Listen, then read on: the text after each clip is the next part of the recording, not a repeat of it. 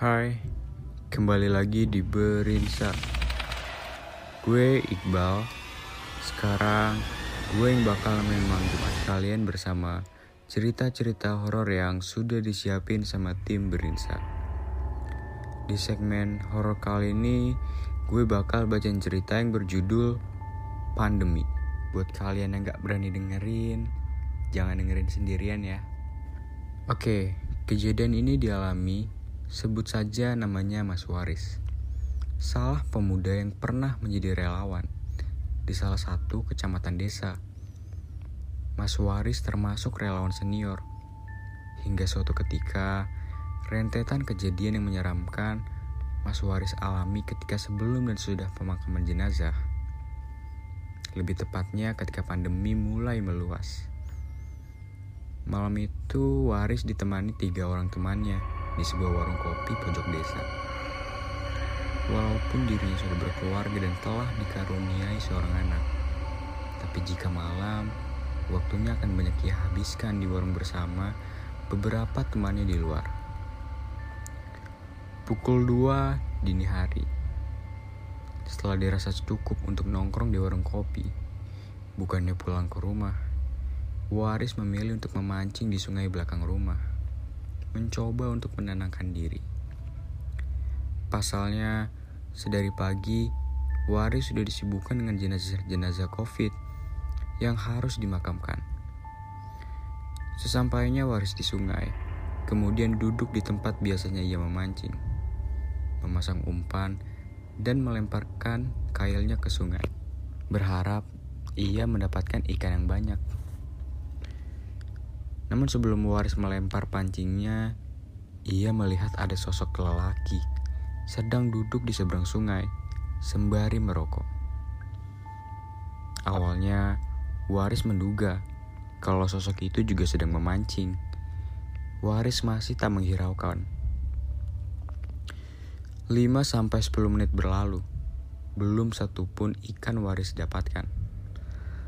Ia kemudian merogoh saku celana dan mengeluarkan rokok. Berkali-kali Waris memati korek gas apinya, tapi tak kunjung menyala. Sedikit kesal karena ada saja masalahnya. Hingga Waris menyadari jika sosok yang ada di seberang sungai itu juga sedang merokok. Waris kemudian berniat untuk mendekati, berniat meminjam koreknya. Sesampai di seberang, setelah menyeberangi jembatan kecil penghubung, Waris menemukan suatu kejanggalan. Pasalnya, ketika Waris sudah dekat dengan sosok itu, Waris membaui satu aroma yang sangat tidak asing. Bau yang biasanya untuk mengoles kapas mayat. Tapi Waris tidak memikirkan hal demikian ke hal mistis. Dia sudah terbiasa dengan bebauan itu. Mungkin bau itu berasal dari tubuhnya yang sedari tadi bolak-balik pemakaman. Namun semakin jarak waris dengan sosok itu semakin dekat, justru bebauan itu semakin tercium menyengat. Seperti aroma bau barus, itu berasal dari seseorang yang ada di hadapannya. Permisi mas, boleh pinjam koreknya? Tanya Waris setelah di sungai. Oh, iya mas, ini silakan. Sahut lelaki yang diketahui namanya tersebut. Ci mas, matur nuwun. Tak lama setelah Waris hendak kembali ke tempatnya. Setelah mengembalikan korek ke pemiliknya, satu suara menghentikan langkahnya. Waris menoleh ke arah suara, tepatnya kepada seseorang yang dipinjami korek tersebut. Ji mas, enten opo? Saut waris. Meriki mas, lenggian rian bade matur. Dos pundi mas? Saut waris yang kemudian duduk di sebelahnya, sembari mengempaskan asap rokok ke udara. Kini mas, saya mau mengucapkan terima kasih. Ucap lelaki itu. Waris sejenak terdiam sambil mengerutkan dahinya. Membayangkan kembali beberapa menit yang lalu. Masalahnya, Waris tidak melakukan apa pun yang berujung lelaki itu berterima kasih. Kemudian Waris menanyakan sesuatu hal yang membuat lelaki itu berterima kasih. Betapa terkejutnya. Waris telah mendengarkan jawaban dari lelaki yang dia tahu namanya Marsudi tersebut. Bahwasanya lelaki itu berterima kasih lantaran Waris dan beberapa rekannya sudah memakamkan jenazahnya beberapa jam yang lalu. Tak lama dari itu, almarhum Marsudi berdiri, sembari tersenyum kepada Waris. Sebelum Waris merasakan tubuhnya begitu berat dan semuanya menjadi gelap. Entah berapa jam Waris tertidur. Pagi itu ia terbangun. Masih di tempat yang sama. Di pinggir bibir sungai, untungnya dia tidak tercebur ke dalam sungai. Mungkin akan lain cerita Tak mau berpikir lama, Waris kemudian berlari menuju rumahnya. Menceritakan semuanya kepada istrinya yang kebetulan sedang memasak di dapur.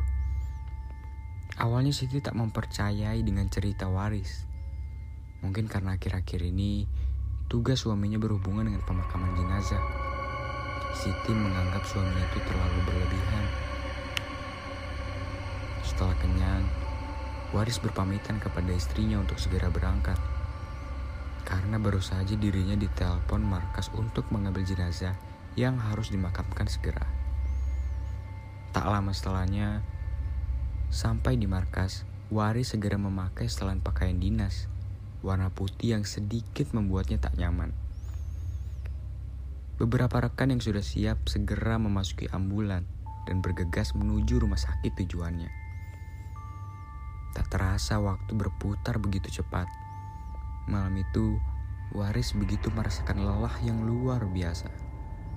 Hampir sepuluh jenazah yang Waris dan rekannya makamkan. Namun itu tak mampu melunturkan rasa pedulinya. Walaupun gajinya tak seberapa, tapi rasa pedulinya tak diragukan lagi. Seperti halnya malam berikutnya. Tepatnya waktu menunjukkan pukul 11 malam. Rasa ngeri dan mencekam harus Waris rasakan bersama rekan kerjanya. Lebih tepatnya ketika langkah kaki mereka sudah memasuki area pemakaman. Satu pemandangan janggal harus Waris saksikan sendiri. Dari arah pojok kuburan, tampak sesosok berjubah hitam sedang berdiri memperhatikan Waris dan ketiga rekannya yang sedang berusaha menurunkan peti jenazah. Mendadak, angin bertiup lebih kencang, membawai bebauan kapur barus dan bunga Kamboja yang membuat mereka seketika terjeda sejenak dan saling memandang. Walaupun wajah tertutup masker dan alat medis lainnya, tapi aroma barus dan kembang Kamboja itu seolah mampu menembus penghalang indera penciuman. Ketika itu, Waris yang posisinya ada di atas sembari menahan tali. Seketika terlepas saat satu pemandangan aneh mengejutkan dirinya. Membuat rekan yang ia biasa panggil Joko terhimpit peti jenazah yang beratnya mampu membuat jari tangan bengkak. Namun bukan itu yang membuat Waris spontan berlari meninggalkan ketiga rekannya. Melainkan satu pemandangan mengerikan yang Waris saksikan. Sosok berjubah hitam itu mengacukan parangnya ke atas. Kemudian dengan gerakan cepat menebas kepala perempuan yang ada di bawahnya. Malam itu juga Waris merasa sangat ketakutan. Dirinya memilih untuk balik ke markas dengan menggunakan jasa ojek online. Setibanya di sana, Waris kemudian membersihkan diri dan melanjutkan pulang ke rumah membandingkan tubuhnya yang dirasa lelah dan ketakutan yang amat luar biasa. Tak lama, ponselnya berdering. Tertera nama Joko di layar ponselnya. Yang dilo opo mau, Riz? Kok mayu koyo di oyok setan? Tanya Joko di seberang telepon. Maaf Jok, maaf banget. Kamu gimana sekarang? Gede yang luka toh? Jawab Waris sedikit cemas dan panik dengan kondisi Joko. Aman, Riz. Untung mau Doni terus nantali nih. Nek ora paling aku gencet peti. Ungkap Joko. Waduh, sampurone tenan ya, Cok. Aku tadi ketakutan beneran soalnya. Besok aku ceritakan kalau sudah di markas. Jawab Waris. Walah, ya sudah nggak apa-apa Riz. Yang tenang, gak usah mikir aneh-aneh. Sekarang tidur aja. Besok kita masih seperti ini soalnya. Pungkas Joko sebelum menutup teleponnya. Malam itu Waris merasa tidak tenang. Seperti ada yang sedang memperhatikan. Karena semenjak pandemi ini dan pekerjaannya sebagai relawan, Waris memutuskan untuk sedikit menjaga jarak dengan istri dan anaknya bukan tanpa sebab, melainkan Waris takut kalau istri dan anaknya tertular virus mematikan ini. Waris meminta istri dan anaknya untuk sementara tidur di rumah orang tuanya, karena mencegah lebih baik daripada tertular. Satu hal yang menjadi kebiasaan Waris, ia selalu terbangun ketika malam merangkak dini hari. Seperti juga saat itu, Waris terjaga Sebentar Waris mengumpulkan kesadarannya. Kemudian melirik ke arah jam dinding di atas pintu kamar. Pukul dua lebih, Waris melihat waktu itu. Namun entah mengapa, Waris seperti enggan untuk turun dari ranjang. Seolah-olah ada sesuatu yang menahan tubuhnya untuk beranjak dari kamar. Tapi demi hajat yang tak tertahankan lagi, Waris menekan rasa takutnya Kemudian terpaksa bangkit dan melangkah menuju kamar mandi. Sunyi dan hening dirasa waris saat itu. Hanya suara serangga kecil dari belakang sungai rumahnya mewarnai akhir hajatnya. Tapi setelah di saat dirinya akan kembali ke kamar, satu kejanggalan ia temukan. Waris terkejut, kaget, dan tertegun. Tersisipi rasa curiga melihat pintu dapur yang menghubungkan dengan pekarangan belakang terbuka lebar. Matanya spontan mengedar ke sekeliling dapur. Mencari-cari satu sangkaan yang membesit dalam benak. Jika seseorang telah memasuki rumahnya. Akan tetapi, setelah beberapa saat Waris mencari dan memanggil nama Siti istrinya, tak ada jawaban. Ia melangkah mendekati pintu berniat menutupnya kembali. Namun baru saja, tangannya menyentuh handle pintu, sapuan angin dingin berbau wangi kamboja menerpa tubuh dan wajahnya. Seketika Waris terpenjat, merinding, mengingat bau wangi itu sedari kemarin sudah mengganjal pikirannya.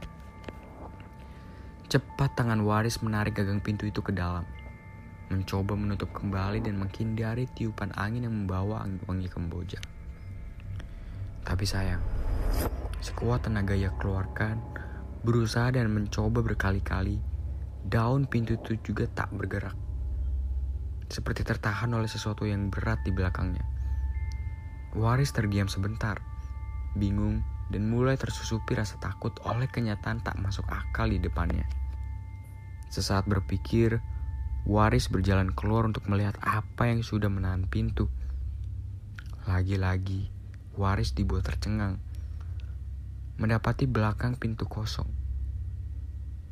Tak menemukan apa pun yang mengganjal atau menahannya.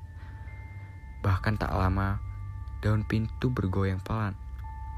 Menandakan jika pintu ringan tanpa beban. Seolah tak percaya dengan semua kejadian yang baru saja ia alami. Betina berkecamuk antara takut dan heran. Namun tak lama, rasa heran dan bertanggung jawab terjawab oleh satu suara lembut di ujung belakang perkarangan yang mengarah ke sungai. Suara lirik tengah bernyanyi dari sosok wanita berbaju putih, berambut sepinggang, sembari menggendong anak dan sesekali memanggil nama waris. Meski terlihat sedikit samar, tapi sosok yang berdiri membelakangi Waris itu sanggup membuat tubuh Waris ketika dingin. Perlahan, sosok berbau wangi bunga kamboja itu menggerakkan kepalanya ke kanan dan ke kiri. kemudian berbalik menghadap tepat ke arah Waris, menjelaskan mata Waris akan sosok itu. Walau dari jarak beberapa meter saja, tubuh Waris seakan mati rasa. Setelah pandangannya terbantu cahaya lampu remang dari sudut tempat ia berdiri, dengan jelas melihat sosok wanita itu menimang sosok bayi dalam dekapannya. Sesekali memanggil nama Waris dan mengucapkan kalimat yang pernah ia dengar sebelumnya. Untuk kesekian kalinya, Waris mengalami kejadian menyeramkan yang berujung dengan kalimat ucapan terima kasih. Sadar akan sosok itu bukanlah manusia, Waris buru-buru melangkah masuk dengan penuh ketakutan. Tak memikirkan lagi pintu dapur yang masih terbuka membiarkan tubuhnya yang basah karena keringat. Sebab saat itu yang ia ingin dan tidak lagi mendengar ucapan terima kasih dari sosok-sosok yang pernah dirinya makamkan. Entah mengapa, kejadian ini hanya dialami oleh Waris sendiri. Beberapa rekan kerjanya tak satu pun mendapatkan peristiwa mengerikan ini. Walaupun hanya tanda ucapan terima kasih. Tapi bagi Waris, itu membuatnya tidak nyaman. Siapa pun juga tidak mau mengalami kejadian yang seperti Waris alami.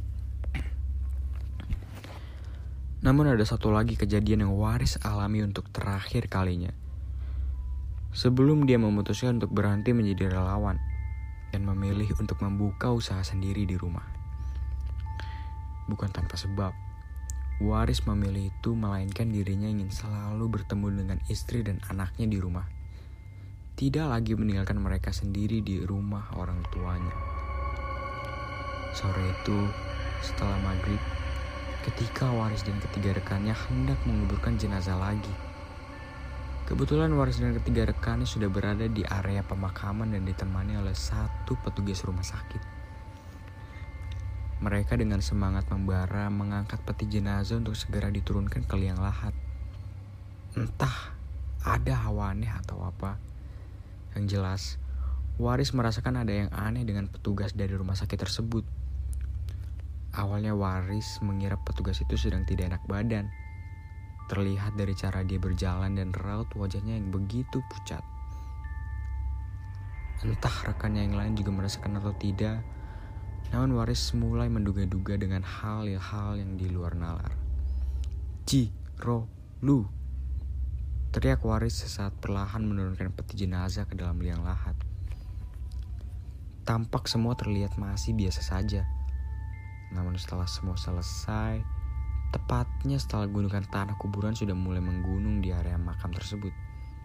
Satu suara mewujudkan mereka semua bukan dari suara warga yang sedang menonton dari balik pagar makam yang membuat keempatnya termasuk waris begitu terkejut dan tercengang. Melainkan dari sosok lelaki muda yang baru saja turun dari mobil dinas rumah sakit. Waris, Joko, Doni dan Agung terdiam sebentar. Bingung dan mulai tersusupi rasa heran. Manakala Lelaki yang baru saja turun dari mobil dinas dan berjalan ke arah mereka berempat menanyakan peti jenazah yang akan dikuburkan. Loh, mas, lah petinya di mana? Tanya lelaki muda dari petugas RS. Lah, kok malah tanya saya, mas? Bukannya sampai yang tadi ikut bantu nurunin peti ke kuburan ya? Saut waris. Lah, saya baru aja sampai, mas. Jawab petugas RS dengan wajah heran dan bingung. Gak mungkin mas, nyoto-nyoto sampai niki mangkat bareng kene. Mas melo mundun ki peti jenazah nih. Sahut Joko. Hingga pada akhirnya mereka berlima meninggalkan area pemakaman dengan meninggalkan banyak pertanyaan dalam benak masing-masing. Sebenarnya siapa tadi yang menyerupai petugas RS yang ikut membantu sampai saat ini? Mereka berempat belum menemukan jawabannya. Hingga Waris memilih untuk keluar dari pekerjaannya dan memilih untuk membuka usaha di rumah bersama anak dan juga istrinya. Oke, segitu aja cerita yang gue bacain. Nanti kita lanjut lagi. Jangan lupa buat dengerin Brandisa terus ya. Kalau kalian ada cerita horor, romance, atau random lainnya, kalian bisa banget DM di Instagram kita at osis smk bw 2 Sampai bertemu di segmen horor selanjutnya. See you.